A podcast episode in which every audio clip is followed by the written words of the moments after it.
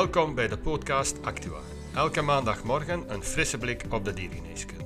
Wij zijn vandaag 6 maart. Mijn naam is José Motet.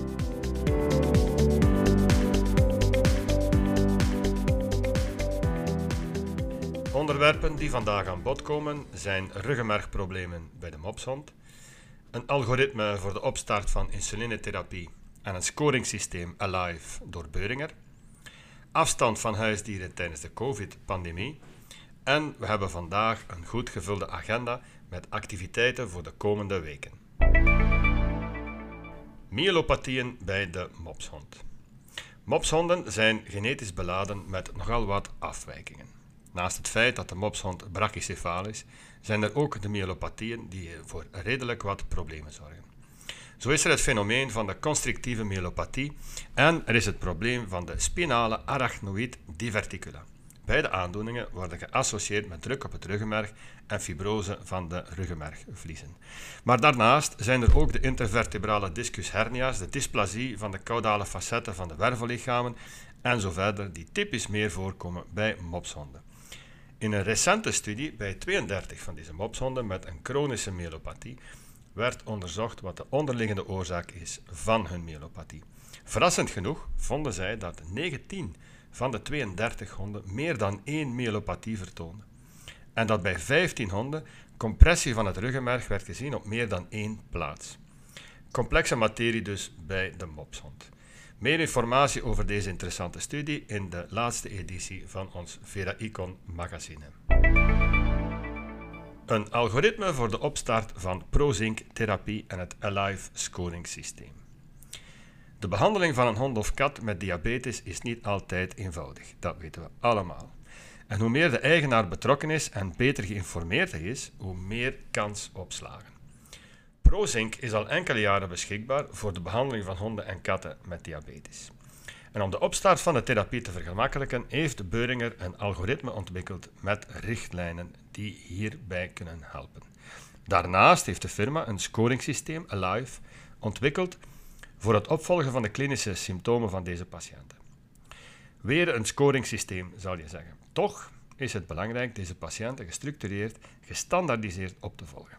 Aan de hand van het scoresysteem kan je immers eenvoudige parameters opvolgen, zoals gewicht, drinken, plassen, eetlust, activiteitsniveau. Allemaal parameters die aangeven hoe goed de hond of de kat het doet. Een aanrader dus.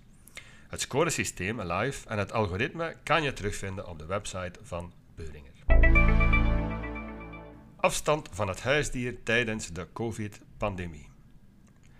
Een recent gepubliceerde studie onderzocht hoeveel mensen afstand deden van hun huisdier, hond of kat, tijdens de pandemie en wat de redenen daarvoor zijn. 4000 mensen werden bevraagd in het Verenigd Koninkrijk, in de Verenigde Staten, Canada, Frankrijk, Italië en Spanje. 95% van deze personen gaf aan tijdens de pandemie nooit overwogen te hebben hun huisdier af te staan. Terwijl 4% zei dit wel gedaan te hebben, overwogen dus, en 1% heeft het ook werkelijk gedaan. Twee derde van deze herplaatste dieren kwamen rechtstreeks terecht bij een nieuwe eigenaar, terwijl 14% van de dieren in een asiel terechtkwam. Voor 10% van de honden werd een tijdelijke oplossing gezocht bij een vriend of kennis. Er was geen onderscheid in deze cijfers of het nu een hond of een kat betrof. De meest voorkomende reden voor afstand en voor het overwegen van afstand waren financiële problemen.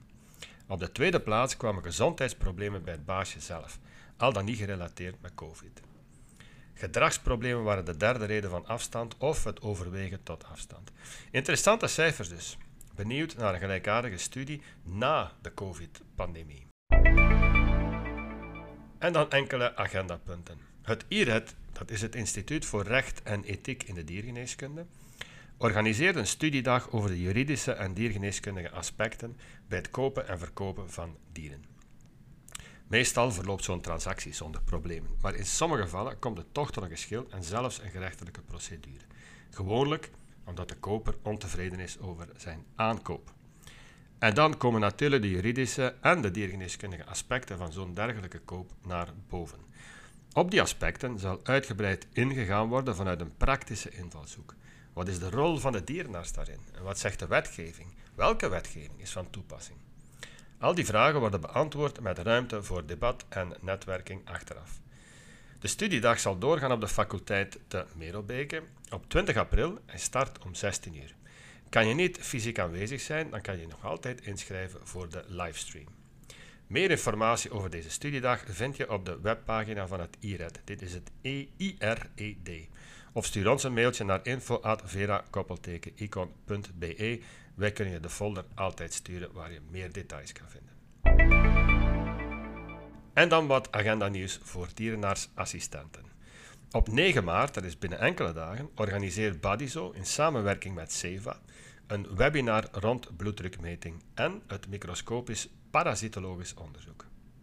De webinar start om 20 uur en inschrijven kan via www.badizo.be.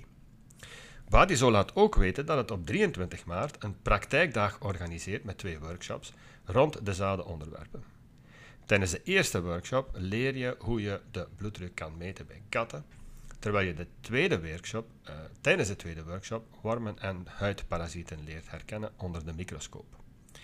De praktijkdag zal gratis zijn voor Badizo-leden en zal doorgaan ook weer op de faculteit Diergeneeskunde te Merelbeek en op 23 maart. Ben je geïnteresseerd? Schrijf je dan snel in, want plaatsen zijn beperkt. En inschrijven kan opnieuw via www.badizo.be. Op 15 april organiseert Sowetis dan zijn Innovation Day. Een dag voor lezingen en workshops voor dierenartsen en assistenten rond de dierenartsenpraktijk van de toekomst. De dag zal doorgaan in de rijtuigenloods in Amersfoort. Goed om weten voor de Belgen is dat er een bus wordt ingericht vanuit Gent. Meer informatie kan je bekomen bij je contactpersoon bij Zoetis. En dan als laatste agendapuntje onze VRI-dag. Ik vermeld het elke week, dus doe ik het deze week nogmaals. Op 12 mei, voor degenen die het nog niet wisten, organiseren wij onze VRI-dag. Een dag vol met lezingen voor dierenartsen, voor dierenartsenassistenten en uh, ook een, een, dagprogramma voor uh, praktijkmanagement of over praktijkmanagement. Inschrijvingen lopen vlot. Zorg zeker dat je erbij bent. Kijk even op de website www.vera-icon.be voor het programma. Je kan die daar ook inschrijven. En ook nogmaals vermelden, uh, inschrijven kan via KMO-portefeuille, wat toch onmiddellijk een besparing van 30% betekent. We zijn aan het einde gekomen van eh, deze editie van onze podcast. Ik doe nogmaals een warme oproep. Zie je of hoor je iets interessants waarvan je vindt dat, vindt dat wij het allemaal zouden moeten horen of zien of weten? Laat het ons dan weten via mail info at. En zoals elke week wil ik ook deze podcast afsluiten met een van de 100 adviezen van EVME rond well-being in de praktijk. Maak er een prioriteit van om duidelijk en helder te communiceren met je collega's. En hecht met name belang aan het ontdekken en respecteren van ieders eigen communicatiestijl. De samenwerking gaat er alleen maar beter op worden. Prettige werkweek.